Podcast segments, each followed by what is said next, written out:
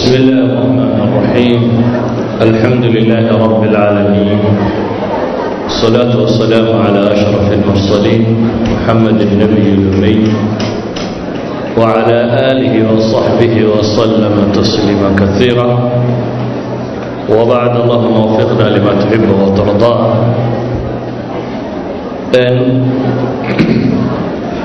waxaynu hore uga soo warannay taariikh ka mida ummaddii tataarka la odhan jiray ama mongolianiska labadaba taariikhyahanadu aynu nidhi way ku magacaabaan.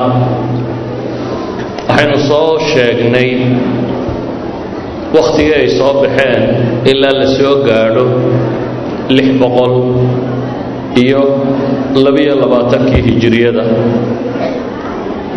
waxaynu soo tilmaamnay inay qabsadeen markaasi qaybo badan oo dunida ka mid ah caalam alislaami waxaynu sheegnay dowladdii ballaadhnayd ee khawarzimiyiinta la odhan jiray adowla alkhawarzimiya inay tirtireen boqorkeedii hore firdhad inuu ugu dhintay jasiirad yar inankii uu dhalee boqorkaayo marka labaad isku dayeyna isna firdhadkii inuu wadiga sind ka tallaabay oo uu xagga iyo indiya oo dowlad yaro islaamiya oo kale ka jirtay uu u gudbay iyo jinkis khan ninkii la odhan jiray boqorka u ahaa bershiya oo diyaarsanaya bulshadii ama dadkii uu maamulayay. Haddaynu maanta halkaa ka sii bilowno iyo magaalooyinkii waaweynaa ee waddankaasi khawaarzam ay lahayd oo la tirtiray maalan taarikhyahanadu waxay tilmaamaan magaalada marwa marwa waa merv ayay yidhaahdaan marka afafkan reer galbeedka lagu qorayo. Reer galbeedka historianskoosta qaar ka mida waxay yidhahdaan waa magaaladii taariikhda u weynayd wakhtigaas. Inkastaynu odhan karno malaa baqhdaad kamay weynayn. Haddana waxaynu soo tilmaamnay iyadoo qura boqoloo milyan dad gaadhay boqoloo kun oo qof in lagu dilay. Taarikhyahanada qaarkood waxay leeyihiin qaxoontiyadii iyo wixii dambe ku madhay hal milyan oo kaley gaadhayaan. Waxaynu soo marnay nishabuur nisabuur af carabigana lagu qoro oo iyadana xawaalay hal milyan lagu dilay. Waxaynu soo marnay carri dhan oo la tirtiray. Labaatankii hijiriyada haddaan ka bilaabo oo aan gebagabeeye qaybta yaree koowaad ee ka hadhay noloshii jenkiskhan waayo jenkiskhan wuxuu dhintay labaatankii hijiriyada wakhtigaasi waxaa dib u soo noqday ninkii la odhan jiray jalaaladiin ibnu muxamed ibnu khawarzam shaah oo aynu nidhi wadiga sind buu ka tallaabay ayaa wuxuu ogaaday in waxoogaa tataarka weeraradoodii ay kala degeen. Dabeetana webigii sind buu dib uga soo tallaabay.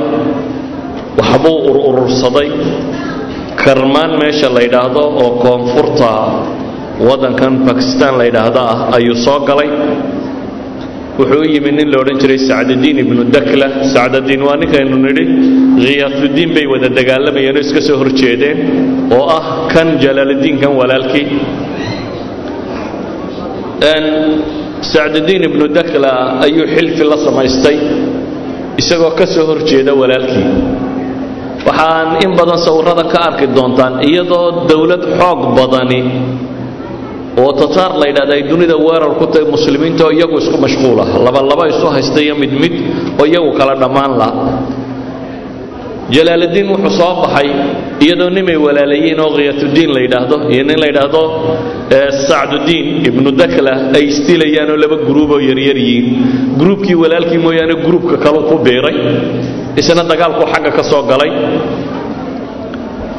Wuu soo socdeen wuxuu qabsaday galbeedka eeraan dabeetana waxoogaa ciidana markuu urursaday xaggu tataarka kaga duuli lahaa ayaa xawalkii siyaasiga yacnii weershow xagga siyaasadda ku saabsan baa ku dhacay baynu odhan karnaa siyaasiyiintii muslimiinta wakhtigaa noolay. Halkuu tataarka iyo ummaddan iska celin lahaa soo duushay ayuu weerar wuxuu ku bilaabay khilaafadii cabbaasiga oo sii daciiftay oo aan naf badanba lahayn. Xaggeeduu weerarka u qaaday magaaladan basro la yidhahda ee ciraaq ku taalluu laba bilood go'doon ku hayay. Dabeetana xagga iyo baqhdaad buu u dhaqaaqay. Baqhdaad boqorkii markaa haysto aan mid fiican ahayn annaasir lidiin illah ninkii la odhan jiray toddobiyo afartan sannadood buu xukunka hayay. Laakiin waaxid mufsida buu ahaa bay idhaahdaan kaa dhankiisu uu sii kacay.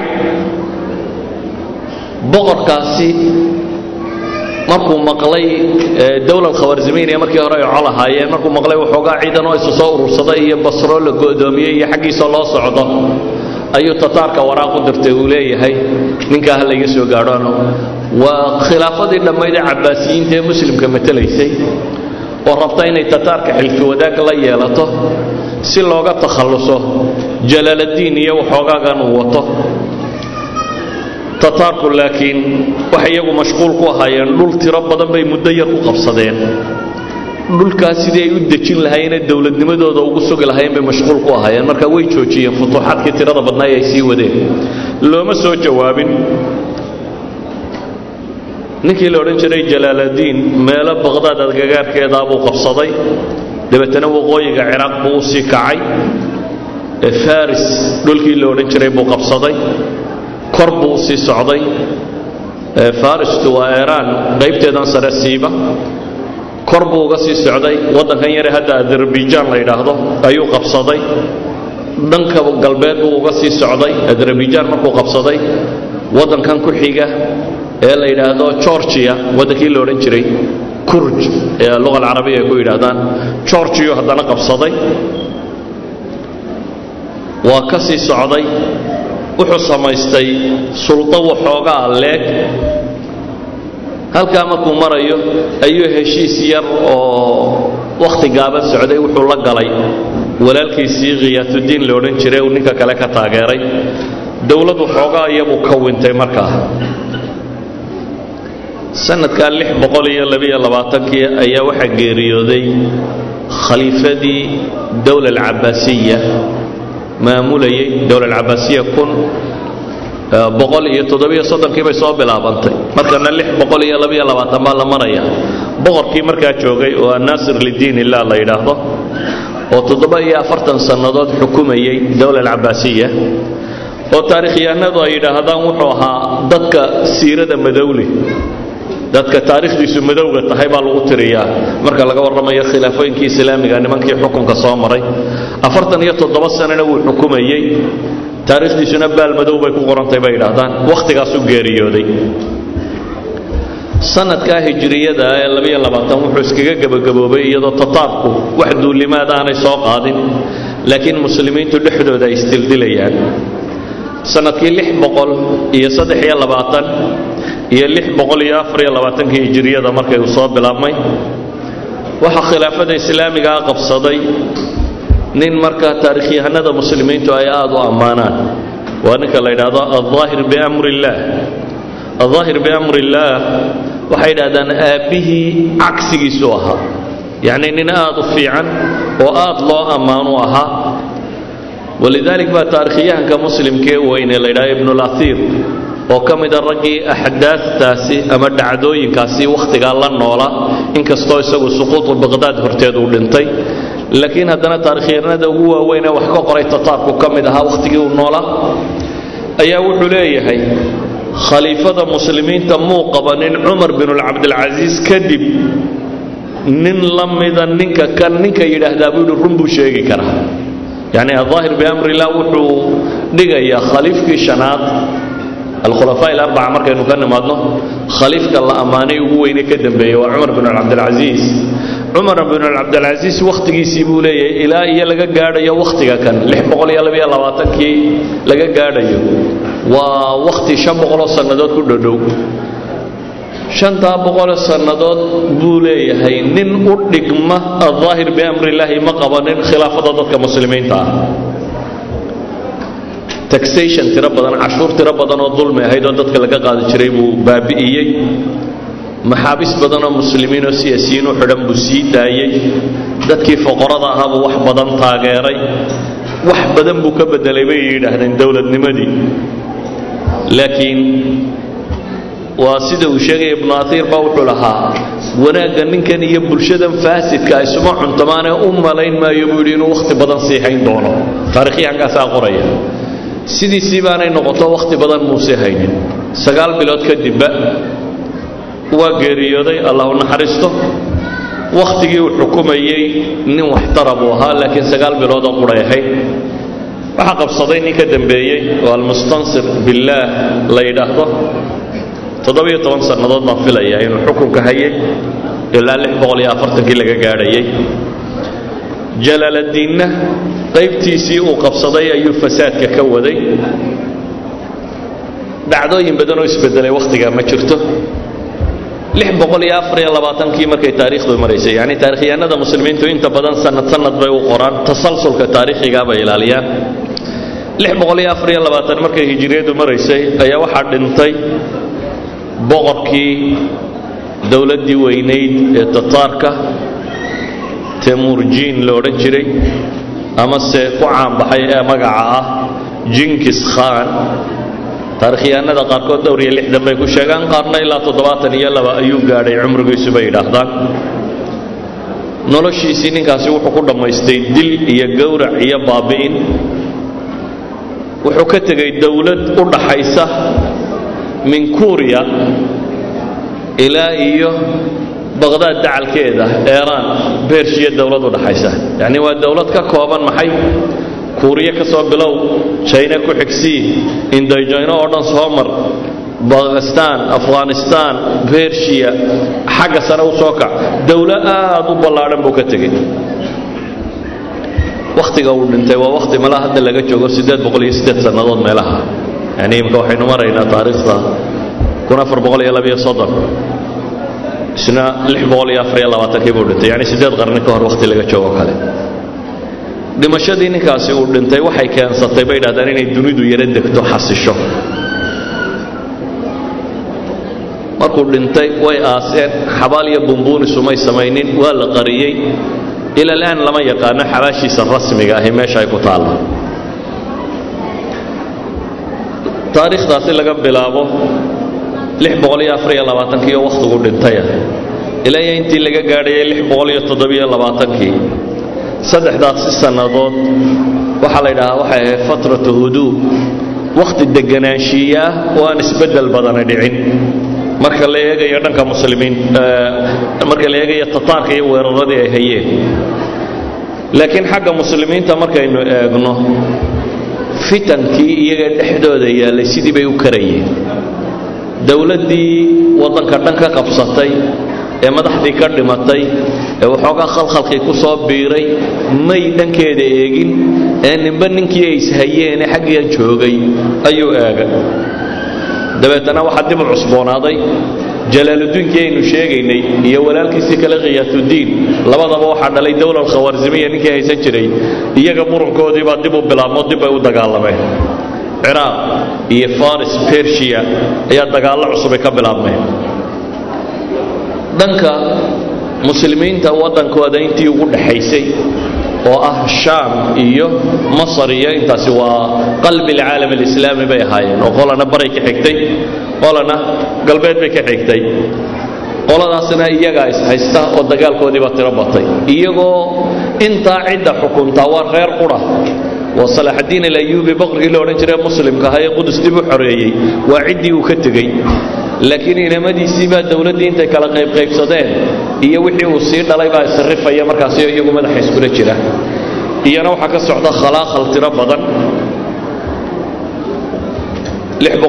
Labaatankii markay ahayd ayaa ayuubiyiintu dhexdoodii isdilkay iska dilayeen mid ka mid ah ayaa baytulmaqdiskii uu xoreeyey salaaxuddiin kuwii ku abtirsanayay mid ka midaba yidhi qolo kristana nasaarada idinkaan idin siinaya bayt almaqdis bisharta anna meel heblaysi iyo qolo heblaayana ila cadaadiya. Qolo kaloo ay walaalayiin.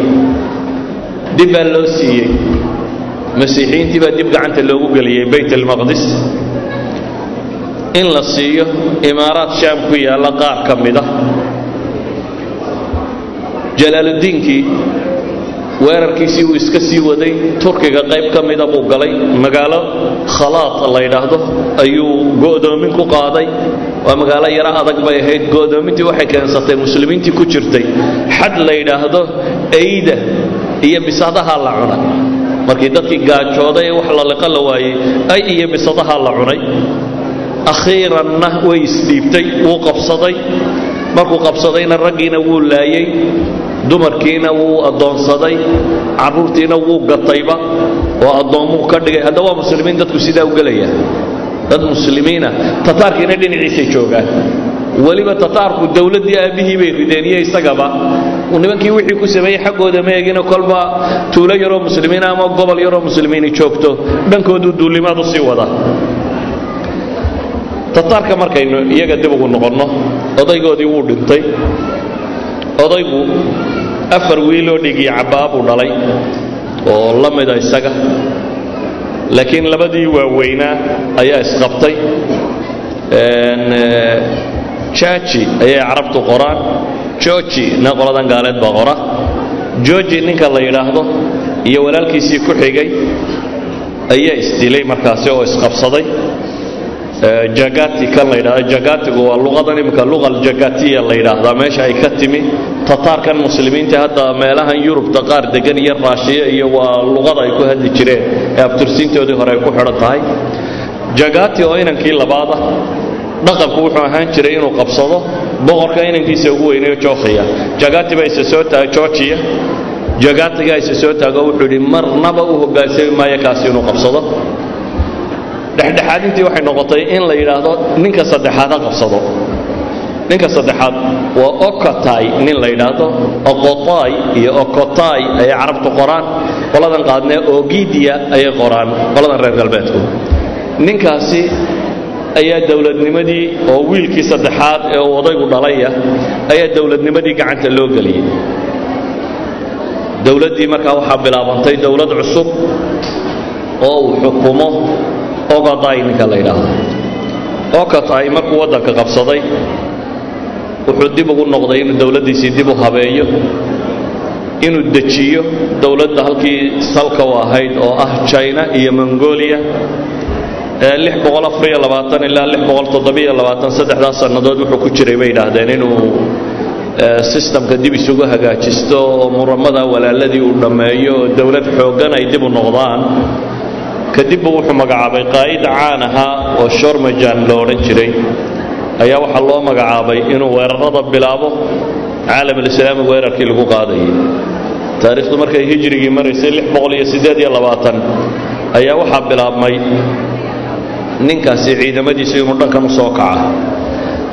Haddaynu dib ugu noqonno intay ishabaynayaan tataarku muslimiintu sidii bay isu dilayeen oo furqadii dadka muslimiintu sidii bay u taalleen jalaaluddiin marka la eegana shormajan markuu ciidamadiisii soo bilaabay ee dagaalka ku soo qaadayba firdhad buu bilaaba dabeetana waa la eryaday. Aabbihii markaynu ka warramayna waxaynu ka warrannay isagoo intaasoo magaalo laga saaray oo ciidan yaroo tataari daba ordayaan oo kolba meel ka dhacaya boqorkuna uu yidhi nolol ha lagu soo qabto. Sidii uu ordayey baynu ku tilmaamnay baxrulkhaswiin inuu ka baxay. Gasiiradii yaroo baxrulkhaswiin ku dhex taalla buu ku baktiyey baynu halkaas ugu dhintay. Kanna dib baa loo soo eryaday carruurtiisii waa la qabtay waxan waa la qabtay balaayaa isna ku dhacday. Weliba jalaaladiinka kani intaan tataarku eryanin dagaallu wuxuu la galay muslimiintii kale. Alashraf ibnu alcaadil ninkii la odhan jiray oo xukuma diyaar aljaziira labadan webi ee ciraaq mara xaggoodan waqooyiga. Waxaynu odhan karnaa waa ciraaq waqooyigeeda iyo koonfurta turkiga. Intaa isku xukuma ayuu dagaal la galay. Dabeetana laba goor buu kaasi jebiyey sharmajan iyo ciidamadiisi way soo socdaan muslimkuna halkay isku sii dilayaan. Labadan kooxood baa isdilay laba goor baa la jebiyey jalaaluddiin waxaa kaloo jira eeraan galbeedkeeda iyo baqhdaad dhexdooda buuraley weeyaan. Buuraley yar oo dheer oo luuqa ku taalla. Buuralaydaasi waxaa degan daa'ifo ismaaciiliye ah yacni daa'ifo shiica ah waliba shiicada kuwan ismaaciiliyada la yidhaahdo aqa khaankan iyo kooxdiisii daa'ifa ismaaciiliya degan kuwii xashaashiinta lo odhan jiray bay ahaayeen. Daa'ifadaasi qalco almowt la yidhaahdaa bay lahaan jireen meeshaasay deganaayeen. Niman aad u dhib badan oo dagaal badan oo assassinationskana aad ugu fiican. Dadkan hoosta loo khaarijiyana aad u yaqaano bay ahaayeen. Qolada sunnigaa col bay la ahaayeen. Kadib waxay fakereen jalaaladiinkan agtooda kolba cid maraya bay ka cabsadeen. Dabeetana tataarkay waraaq u direen ay leeyihiin. Ninkii jalaaludiin laba goor baa la soo jebiyo aad buu u liitaa haddaa iminka jaaniskaa ka faa'iidaysataan waa wakhti laga takhallusi karo. Warkaasaa gaadhay. Tataarkii dabeetana way yimaadeen. Jalaaludiin ayay ku dhufteen haziimo aad u foolxun si foolxun baa loo jebiyey wuu cararay. Sidii aabbihii buu kolba magaalo galay. Sidii loo eryanayey ayaa markii dambe magaciisaba la waayey meeluu ka baxay. Ciidamadii iyo wixii iskaga tegoo keli firnaday boqorkii dhammaa ee muslimiinta looga taaga lahaa ayaa isagii waxa la waayey meel allaaliyo meeluu galay. Taarikhyahanadu waxay idhaahdaan siduu meelaha ugu dhuundhuumanaya isaga soconayey show kurdistaantan mu dhex galay. Maalintii dambe wuxuu ku soo baxay baa layidhi nin reermiyi iyo kurdiya oo meel iska degan ninkan reermiyiga ee kurdigaa berigii hore uu dagaalada waday buu walaalkii dilay.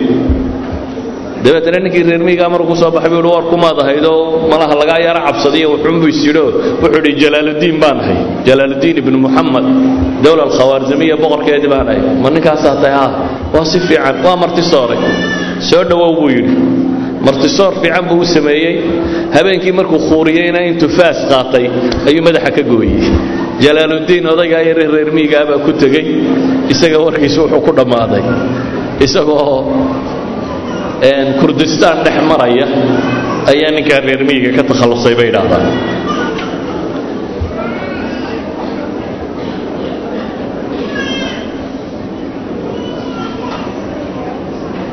waxay idhaahdaan tataarku dagaalkii bay soo bilaabeen maadaama khawaarzam ninka qura ku hadhay uu kan ahaa kanna ciidankiisii ay soo jebiyeen magaala magaalay baaqigii u soo galeen si fiican bay dadkii u jebiyeen si fiican bay wax u laayeen. Taarikhyahanadu waxay sheegaan waxyaabo runtii aanad rumaysan karaynin. Maalan ibnulatiir kitaabkiisa taariikhdaa markuu soo naqlinayo siday tataarku ula dhaqmeen dadkii muslimiinta ee meelaha joogay waa waxaanad imanka rumaysan karaynin. Wuxuu qorayaa nin quraa ku soo baxa toddobiyo toban muslimiina. Dabeetana fadhfadhiista buu yidhahdaa waa loo fadhfadhiistaa madaxu ka gura. Wuxuu qorayaa ibnulatiir waxyaabaha qosol kale uu qoraya waxaa ka mid ah. Tataarkii layntii badnaaya ay dadka laynayeen. Dadku markay naftu isugu timaado laa wallah laa billaah laa taqtulnii laa billaahi laa taqtulnii bay dadku odhanayeen. Maya maya ilaah baan kugu dhaariya haydilin wuxuu leeyahay tataarkii waxay isaga qaateen eray lagu cayaaro markaa markay kaftamayaan laa wallah laa billaah laa taqtulnii bay odhan jireen buu leeyahay. Askarta tataarku yacnii erayada laysku madadaaliyo. Waxaa ka mid ahaa bay leeyihiin laa billaahi laa taqtulnii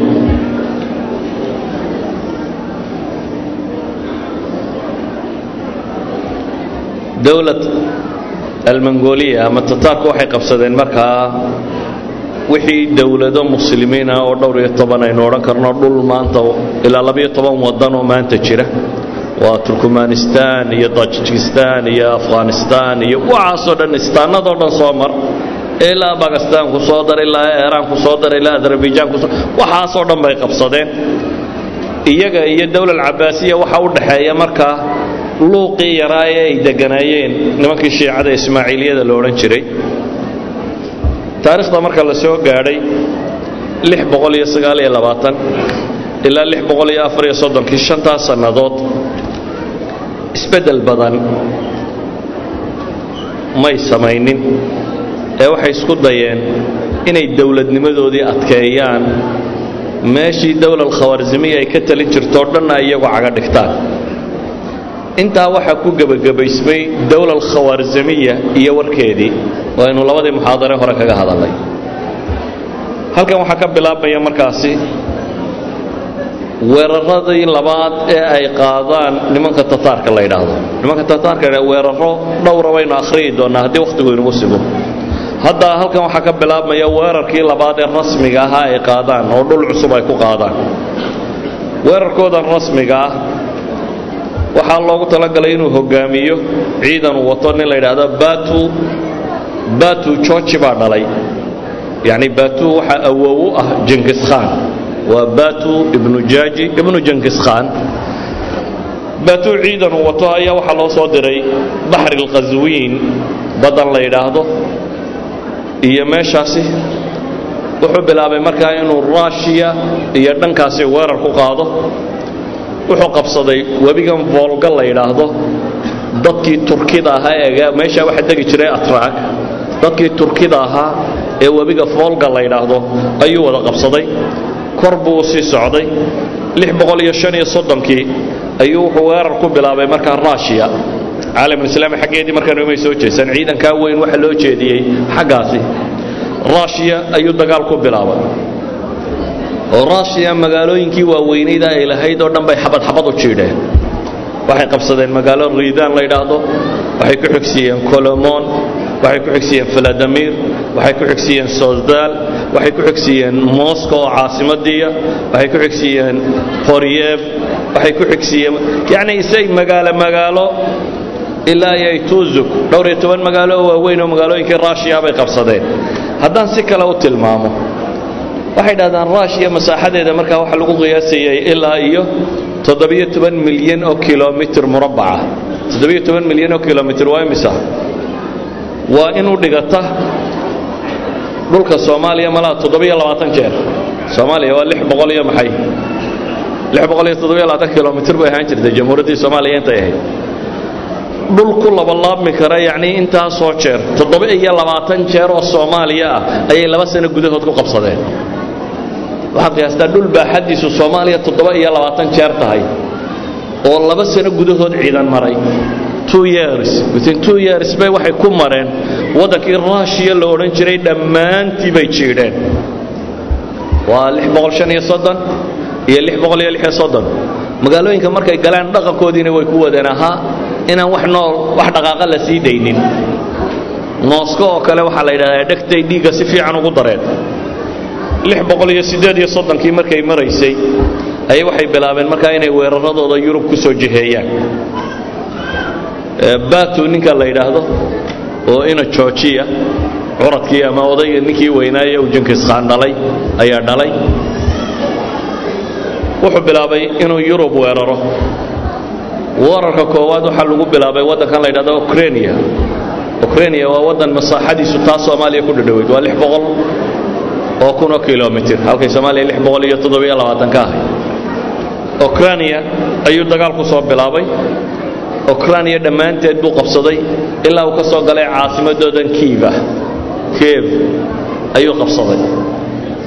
Lix boqol iyo sagaal iyo soddon markay maraysay ayuu ciidan yaroo ciidankiisii ka mid a bayder nin la yidhaahdaa loo dhiibay. Weerarka bilow baa la yidhi yurub waa in laysku gaalaa bixiyaa markaa weerar buu ku qaaday markaa poland. Bolandiiska markii weerarka lagu soo qaaday ayay bolandiisku waxay baryeen jarmalku inuu caawiyo. Boqorkoodii henry dok uu ka telin jiray germany ayaa soo kaalmeeyey. Boland iyo jarmalka oo iswata ciidan ay wataanba ay dagaalka ku soo galeen. Tataarkii baa la kulmay. Si fudud ayaa iyagana looga takhallusay bolandna way qabsadeen boland markay marayaan ayay hoos u soo dhaadhaceen. Dabeetana majar hungari waddankan la yidhaahdo ayay weerarka ku soo bilaabeen. Hungarina si fudud bay uga takhalluseen dhammaanteed ayayana gacanta ku dhigeen. Waa laga sii socday slovakiya ayaa iyana cagta la mariyey waxaad mooddaa slovakiya markay ka soo baxeen horay u socdeen kurwashiyay cagta mariyeen ilaa iyo ay ka gaadheen baddan maxaa la yidhahdaa albaxri ladriyati talyaaniga dhinaciisa baddan ku taalla ilaa iyo halkaa ay ka soo gaadheen. Qiyaas ninka ruushiya ka soo bilaabay ee ruushiya oo dhan qabsaday ee haddana yurubtii bari ka soo bilaabay ee poland iyo ukraine iyo hungary iyo slovaki dhulkaasoo dhan soo qabsaday ee jooga talyaaniga dhinaciisa waxaa ka dhiman yurub markaasi afartii dowladood ee waaweynaa unbaa u oo wakhtigaa ahaa maxay? Namsa usteria iyo almaniya faransiiska talyaaniga iyo britaniya intaasaa ka hadhay. Inta kale cagtay soo mariyeen. Halkaa marka la marayo waxaa ka dhacay waddankoodii isbeddel. Oo giidiya boqorkii la odhan jiray baa isna dhintay ee ina jinkis khaan ahaa lowlaa bay yidhaahdaan taarikhyahanadu aan geerida ogiidiyaa dhicin yurubta galbeed dhammaanteed iyana waxay ku jiri lahayd bay leeyihiin gacanta tataarka cidima celiseen laakiin markii yurubta galbari ay gacanta ku dhigeen oo halkaa ciidanku marayo ayaa waxaa dhintay boqorkii ka telinaya waddanka meesha tanna ninka maraya ee dhulkan furtay ee ciidanka haystaa waa ina jooji ina jooji waxaa muran ka dhaxeeya joojiyada waataynu nidhi aabbihii baa lahaa boqortooyada. Laakiin walaalkiisii ka yaraa ninka aabbihii walaalkiisii ka yaraa oo jaktay la yidhaahdo maadaama ay ishayeen boqortooyadii waxaa la siiyey ninkii saddexaad. Waxa markaa xilfi wadaag yaro ah oo giid iyagan la siiyey iyo jaktay oo inankii labaad ee uu dhalay boqorku labadaasaa xilfi wadaaga qolada tan iyo kii ugu yaraa ee uu dhalo jinkis khan oo tolu ayay carabtu qoraan tolyu ayay qoladan galbeedkuna qoraan. Kaa yar oo ah ninkii askarta ugu badan dhaxlay yacnii dhaqankoodu wuxuu ahaa wiilka yar boqortooyada dhexalkeeda waxba kuma leh laakiin waxaa loo badiyaa hantida kale. Marka waxay dhahdeen jinkiskaan boqol iyo sagaal iyo labaatan kun oo ciidan u ka dhintay boqol kun kan yar baa la siiyey bay yidhaahdaan sagaal iyo labaatankii kuna kalaa saddexda waaweyne qaybqaybsadeen bay ku tilmaamaan innagoo waxba dowladda iyo murankii ka dhexeeyey hoosu sii gelaynin ninkii la odhan jiray batu oo ina georgiya ama ina jaaji saad u akhridaba ah oo yurubta bari markaa gacanta ku haya ilaa ruushiya waxay kaliftay inuu dib u noqdo oo crakrom meeshii la odhan jiray qori qoram carabtuna ay qorto oo ah caasimadii mongolianiska looga talinayay markaasi dowladda tana inuu dib ugu laabto. Oo uu yurub dib uga baxo. Marka kan si uu uga qayb galo doorashooyinka iyo loobiga siyaasiga ka socda waddankii ninka madax ka noqon doona. Dowladda tataarku marka kan waxay ka talisaa kuuriya meelay bari u xigto bolandna galbeed u xigto. Boland ilaa kuuriya bal adigu qiyaas. Dhulka isu jira. Intaa xaggan ballaca kana siberia ilaa iyo laga soo gaadhayo maxay? Badda jina intaa ka dhexleh intaa inta ka dhexleh ayuu xukumaa.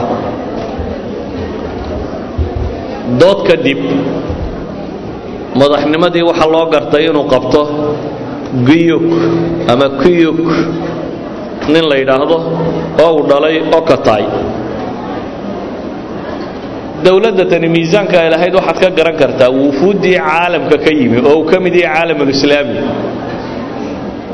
saddex kun ilaa afar kun oo qof baa ka qayb galay baa la yidhaha boqorka caleemasaarkiisii oo ah wufuud laga keenay maxay? Dunida wixii boqor yar joogay iyo wixii meelaha joogay si looga qayb galo caleemasaarka boqortooyadan dee dunida ka talisa sideedaba waxay dhahdaan taariikhda maanta la hayo. Dowlad mar talisa oo tataarku intuu ka taliyey ka weynimay soo marin taarikhda bini aadamka gaal iyo muslimi waxaa doonto isku dar. Dowlad mar tarisa oo masaaxada dhulka mar qura nin boqoro qurigu u wada taliyo oo dowladda tataarka ka ballaadhanimay soo marin. Ninkan yar ee cusub ee qabsaday ee kiyuk la yidhaahdo. Wuxuu isagu ra'yigiisu ahaa futuuxaadka in la joojiyo. Laakiin waddankii ballaadhnaa ee la qabsaday in si rasmiya loo xukumo oo qalanqallo iyo rabshado dambe aanay u soo bixi karin oo maamulka loo baahiyo. Muslimkii bari isaga dhammaantii way liqeen. Bari wixii muslim xigay waan odhan karoo wakhtigaa malaa muslimiinta inta ugu badan bay ahaayeen iyaga dhammaantood way liqeen. Bartamihii muslimka intii ku noolayd oo ah marka ciraaq ilaa masar inta ka dhexle ah iyana qalaanqal tiro badan baa ka jira oo dowla layubiya iyo cabbaasiye iyo wixii dhex socday qalaanqal tiro badan baa ka jira. Galbeedka muslimiinta marka la eego iyana waxaa duntay dowladdii dowla almuwaxidiin la odhan jiray. Saa daraaddeed iyana muran kale ayaa ka jira oo marka loo eego libiya iyo aljeeriya iyo morocco iyo jazaa'ir waxaan marka la eego iyagana dowladdii ka talinaysay intaasoo dhammi way duntay oo waa kala daadsantay. Dowladda tataarku muslimiinta iyo kiristankaba dhibaatay u geysteen. Dhul badanna way ka qaadeen maca daalik muslimkuna isagaa mashquul isku ahaa.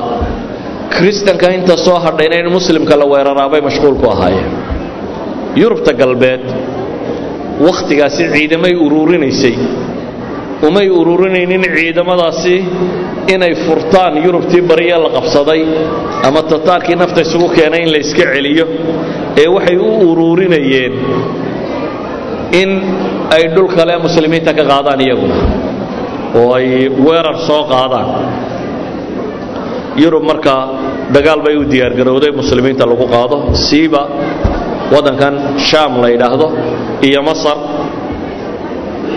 بسم الله الرحمن الرحيم الحمد لله رب العالمين الصلاة والسلام على أشرف المرسلين محمد النبي الأمي وعلى آله وصحبه وسلم تسليما كثيرا وبعد اللهم وفقنا لما تحب وترضاه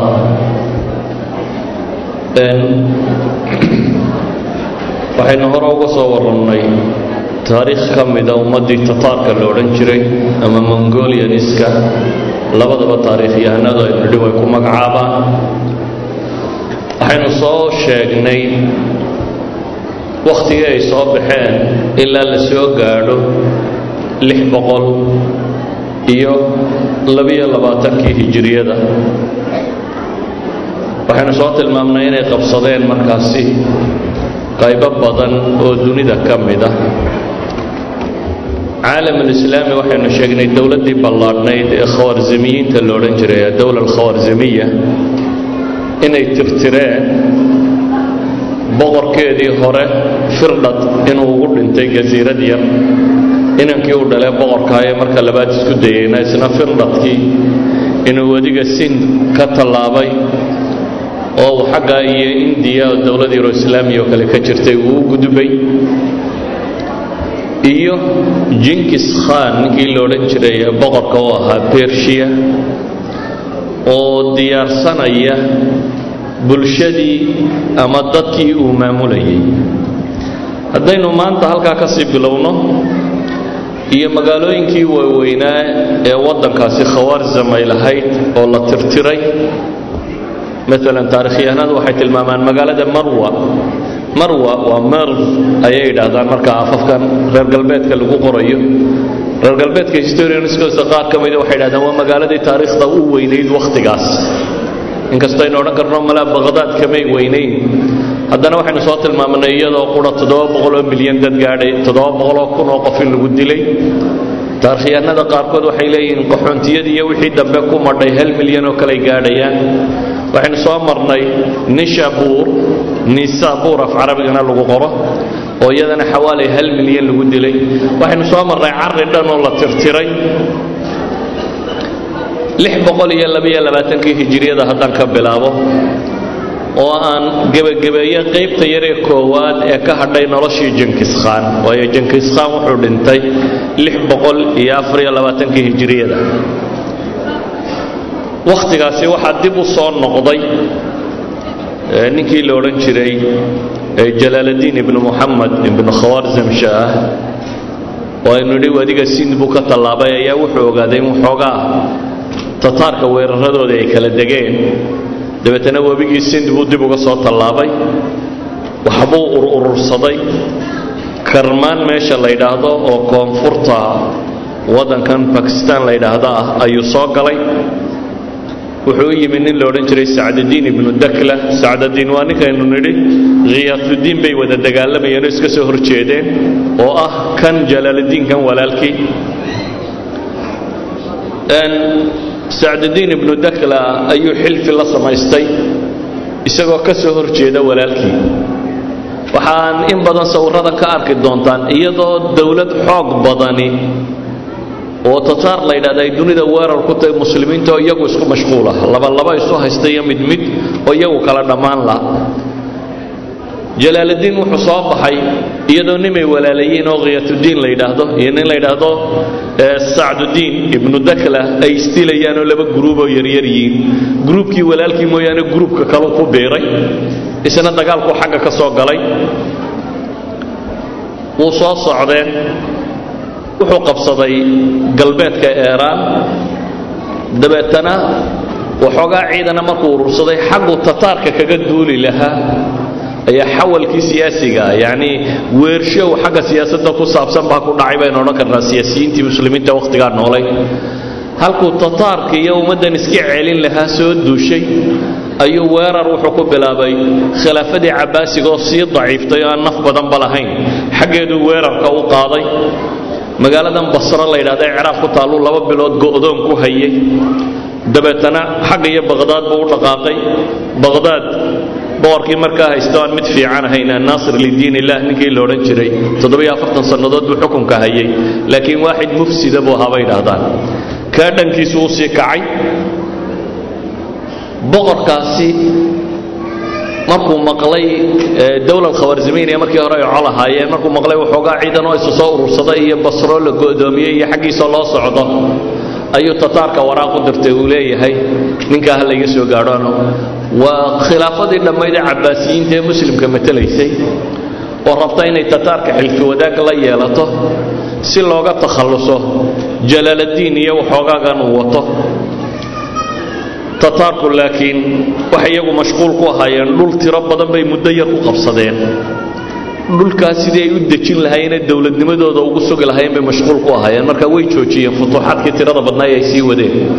Looma soo jawaabin ninkii la odhan jiray jalaaladiin meelo baqhdaad adgagaarkeedaa buu qabsaday. Dabeetana waqooyiga ciraaq buu u sii kacay. Faris dhulkii la odhan jiray buu qabsaday. Kor buu u sii socday. Faristu waa iiraan qaybteedan sare siiba.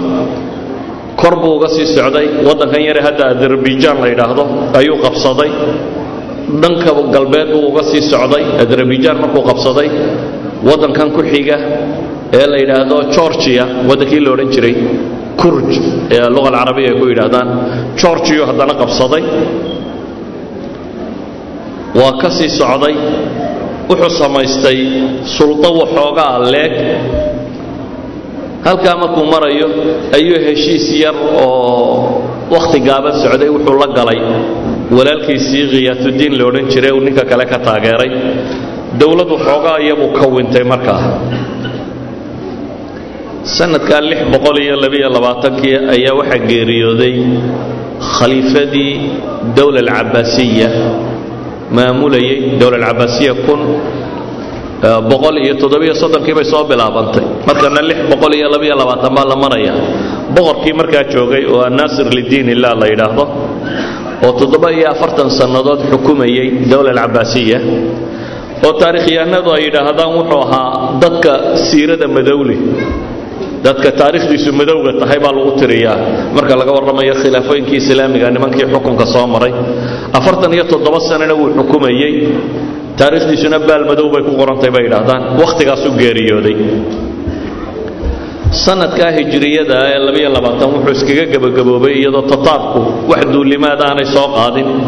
Laakiin muslimiintu dhexdooda ay isdildilayaan sannadkii lix boqol iyo saddex iyo labaatan iyo hijiriyada markay uu soo bilaabmay. Waxaa khilaafada islaamigaa qabsaday nin markaa taarikhyahanada muslimiintu ay aada u ammaanaan. Waa ninka la yidhaahdo aldaahir biamri illaah aldaahir biamri waxay yidhahdaan aabbihii cagsigiisu ahaa. Yacni nin aada u fiican oo aada loo ammaanu ahaa. Walidalik baa taarikhyahanka muslimkee weyne la yidhahdo ibnulaiir oo ka mida raggii axdaaftaasi ama dhacdooyinkaasi wakhtigaa la noola inkastoo isagu suquutu baqhdaad horteed uu dhintay. Laakiin haddana taarikhyahanada ugu waaweyn ee wax ka qoray tataarku ka mid ahaa wakhtigii uu noolaa ayaa wuxuu leeyahay khaliifada muslimiinta muu qabanin cumar binulcabdilcasiis kadib nin la mida ninka kan ninka yidhaahdaa buu yidhi run buu sheegi karaa. Yacni aldaahir biamrillah wuxuu dhigayaa khaliifkii shanaad alkhulafaa ilarbaca markaynu ka nimaadno khaliifka la ammaanay ugu weyne ka dambeeyey waa cumar bin cabdilcasiis cumar bin cabdilcasiis wakhtigiisii buu leeyahay ilaa iyo laga gaadhayo wakhtiga kan kii laga gaadhayo waa wakhti boqoloo sannadood ku dhodhow shantaa boqoloo sannadood buu leeyahay nin u dhigma aldaahir biamri illaahi ma qabanin khilaafada dadka muslimiinta ah taxation tiro badan cashuur tiro badan oo dulmi ahayd oo dadka laga qaadi jiray buu baabi'iyey. Maxaabis badan oo muslimiin oo siyaasiyiin u xidhan buu sii daayey. Dadkii foqorada ahaa buu wax badan taageeray. Wax badan buu ka bedelay bay yidhaahdeen dowladnimadii. Laakiin waa sida uu sheegaya ibnu atiir baa wuxuu lahaa wanaagga ninkan iyo bulshadan faasidka isuma cuntamaanee u malayn maayo buu yidhi inuu wakhti badan sii hayn doono. Taarikhyahankaasaa qoraya sidiisii baanay noqoto wakhti badan muuse haynin. Sagaal bilood kadibba waa geeriyooday allah u naxariisto. Wakhtigii uu xukumayey nin waxtara buu ahaa laakiin sagaal bilood oo quray ahayd waxaa qabsaday nin ka dambeeyey oo almustansir billaah la yidhaahdo. Toddobiyo toban sannadood baan filaya inuu xukunka hayay ilaa lix boqol iyo afartankii laga gaadhayay. Jalaaladiinna qaybtiisii uu qabsaday ayuu fasaadka ka waday. Dhacdooyin badan oo isbedelay wakhtigaa ma jirto. Labaatankii markay taariikhdu maraysay yacni taarikhyahanada muslimiintu inta badan sanad sanad bay u qoraan. Tasalsulka taariikhigaa bay ilaaliyaan. Markay hijiriyadu maraysay ayaa waxaa dhintay boqorkii dowladdii weynayd ee tataarka temurjiin la odhan jiray amase ku caanbaxay ee magaca ah jinkis khan. Taarikhyahanada qaarkood dhowr iyo lixdan bay ku sheegaan qaarna ilaa toddobaatan iyo laba ayuu gaadhay cumrigiisu bay yidhaahdaan noloshiisii ninkaasi wuxuu ku dhammaystay dil iyo gowrac iyo baabi'in. Wuxuu ka tegay dowlad u dhaxaysa min kuuriya ilaa iyo baqdaad dacalkeeda eeraan bershiya dowlad dhaxaysa. Yacni waa dowlad ka kooban maxay? Kuuriya ka soo bilow jayna ku xigsii indayjayno oo dhan soo mar bakistaan afghanistaan bershiya xagga sare u kac. Dowlo aad u ballaadhan buu ka tegey. Wakhtiga uu dhintay waa wakhti malaa hadda laga joogo siddeed boqol iyo siddeed sannadood meelaha. Yani imika waxaynu maraynaa taariikhda kun afar boqol iyo labiyo soddon isna lix boqol iyo afar iyo labaatankii buu dhintay. Yani siddeed qarni ka hor wakhti laga joogo kale. Dhimashadii ninkaasi uu dhintay waxay keensatay bay yidhahdaan inay dunidu yaro degto xasisho. Markuu dhintay way aaseen xabaal iyo bumbuunisu may samaynin waa la qariyey. Ila alaan lama yaqaano xabaashiisa rasmiga ahi meesha ay ku taalla. Taariikhdaasi laga bilaabo iyo wakhtigu dhintaya ilaa iyo intii laga gaadhayay labaatankii. Saddexdaasi sannadood waxaa la yidhahaa waxay ahayd fatratu huduu wakhti deganaanshiiya ah oo aan isbeddel badana dhicin. Marka la eegayo dhanka muslimiin marka la eegayo tataarka iyo weeraradii ay hayeen. Laakiin xagga muslimiinta markaynu eegno fitankii iyaga dhexdooda yaallay sidii bay u karayeen dowladdii waddanka dhan ka qabsatay ee madaxdii ka dhimatay ee waxoogaa khalkhalkii ku soo biiray may dhankeeda eegin ee ninba ninkii ay ishayeene xaggiian joogay ayuu eegay dabeetana waxaa dib u cusboonaaday.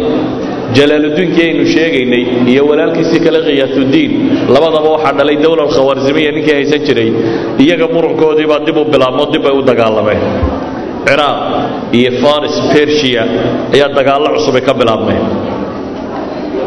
Dhanka muslimiinta waddankooda intii ugu dhaxaysay oo ah shaam iyo masar iyo intaasi waa qalbi alcaalam alislaami bay ahaayeen oo qolana baray ka xigtay qolana galbeed bay ka xigtay. Qoladaasna iyagaa ishaysta oo dagaalkoodiibaa tiro batay. Iyagoo intaa cidda xukuntaa waa reer qura waa salaaxaddiin alayuubi boqorkii la odhan jiray muslimka ahaa ee qudus dib u xoreeyey. Waa ciddii uu ka tegey. Laakiin inamadiisii baa dowladdii intay kala qaybqaybsadeen iyo wixii uu sii dhalay baa isrifaya markaasi iyagu madaxa iskula jira. Iyana waxaa ka socda khalaaqal tiro badan. Labaatankii markay ahayd ayaa ayuubiyiintu dhexdoodii isdilka iska dilayeen mid ka mid ah ayaa baytulmaqdiskii uu xoreeyey salaaxuddiin kuwii ku abtirsanayay mid ka midabaa yidhi qolo kristana nasaarada idinkaan idin siinaya bayt almaqdis bisharta anna meel heblaysi iyo qolo heblaayana ila cadaadiya qolo kaloo ay walaalayiin. Dib baa loo siiyey. Masiixiyiintii baa dib gacanta loogu geliyey bayt almaqdis in la siiyo imaaraad shaam ku yaalla qaar ka mid ah jalaaluddiinkii weerarkiisii uu iska sii waday turkiga qayb ka mida buu galay. Magaalo khalaad la yidhaahdo ayuu go'doomin ku qaaday. Waa magaalo yaro adag bay ahayd. Go'doomintii waxay keensatay muslimiintii ku jirtay. Xad la yidhaahdo eyda iyo bisadaha la cunay. Markii dadkii gaajooday ee wax la liqo la waayey ay iyo bisadaha la cunay. Akhiiranna way isdhiibtay wuu qabsaday markuu qabsadayna raggiina wuu laayey dumarkiina wuu addoonsaday carruurtiina wuu gatayba oo addoommuu ka dhigay. Hadda waa muslimiin dadku sidaa u gelaya dad muslimiina tataarkiina dhinaciisay joogaan. Weliba tataarku dowladdii aabbihii bay rideen iyo isagaba. Nimankii wixii ku sameeyey xaggooda ma kolba tuulo yaroo muslimiina ama gobol yaroo muslimiini joogto. Dhankooduu duulimaad u sii wada tataarka markaynu iyaga dib ugu noqonno odaygoodii wuu dhintay. Odaygu afar wiiloo dhigii cabbaa buu dhalay oo la mida isaga. Laakiin labadii waaweynaa ayaa isqabtay. Jaaji ayay carabtu qoraan. Georgi na qoladan gaaleed baa qora. Georgi ninka la yidhaahdo iyo walaalkiisii ku xigay ayaa isdilay markaasi oo isqabsaday jagati kan la yidhahdo. Jagatigu waa luqadan imika luqa aljagatiya la yidhaahdaa meesha ay ka timi tataarkan muslimiinta hadda meelahan yurubta qaar degan iyo raashiya iyo waa luqada ay ku hadli jireen. Ee abtirsiintoodii hore ay ku xidhan tahay. Jagati oo inankii labaada dhaqanku wuxuu ahaan jiray inuu qabsado boqorka inankiisa ugu weynayo jookhiya jagati baa isa soo taagay georgiya jagatigaa isa soo taago wuxuu yidhi marnaba u hogaansami maayo kaasi inuu qabsado dhexdhexaadintii waxay noqotay in la yidhaahdo ninka saddexaad ha qabsado. Ninka saddexaad waa okotay nin la yidhaahdo okotay iyo okotay ayay carabtu qoraan. Qoladan qaadnee ogidia ayay qoraan qoladan reer galbeedku. Ninkaasi ayaa dowladnimadii oo wiilkii saddexaad ee uu odaygu dhalaya ayaa dowladnimadii gacanta loo geliyey. Dowladdii markaa waxaa bilaabantay dowlad cusub oo uu xukumo ogoday ninka la yidhaahdo. Okotay markuu waddanka qabsaday wuxuu dib ugu noqday inuu dowladdiisii dib u habeeyo inuu dejiyo dowladda halkii salka u ahayd oo ah china iyo mongolia ilaa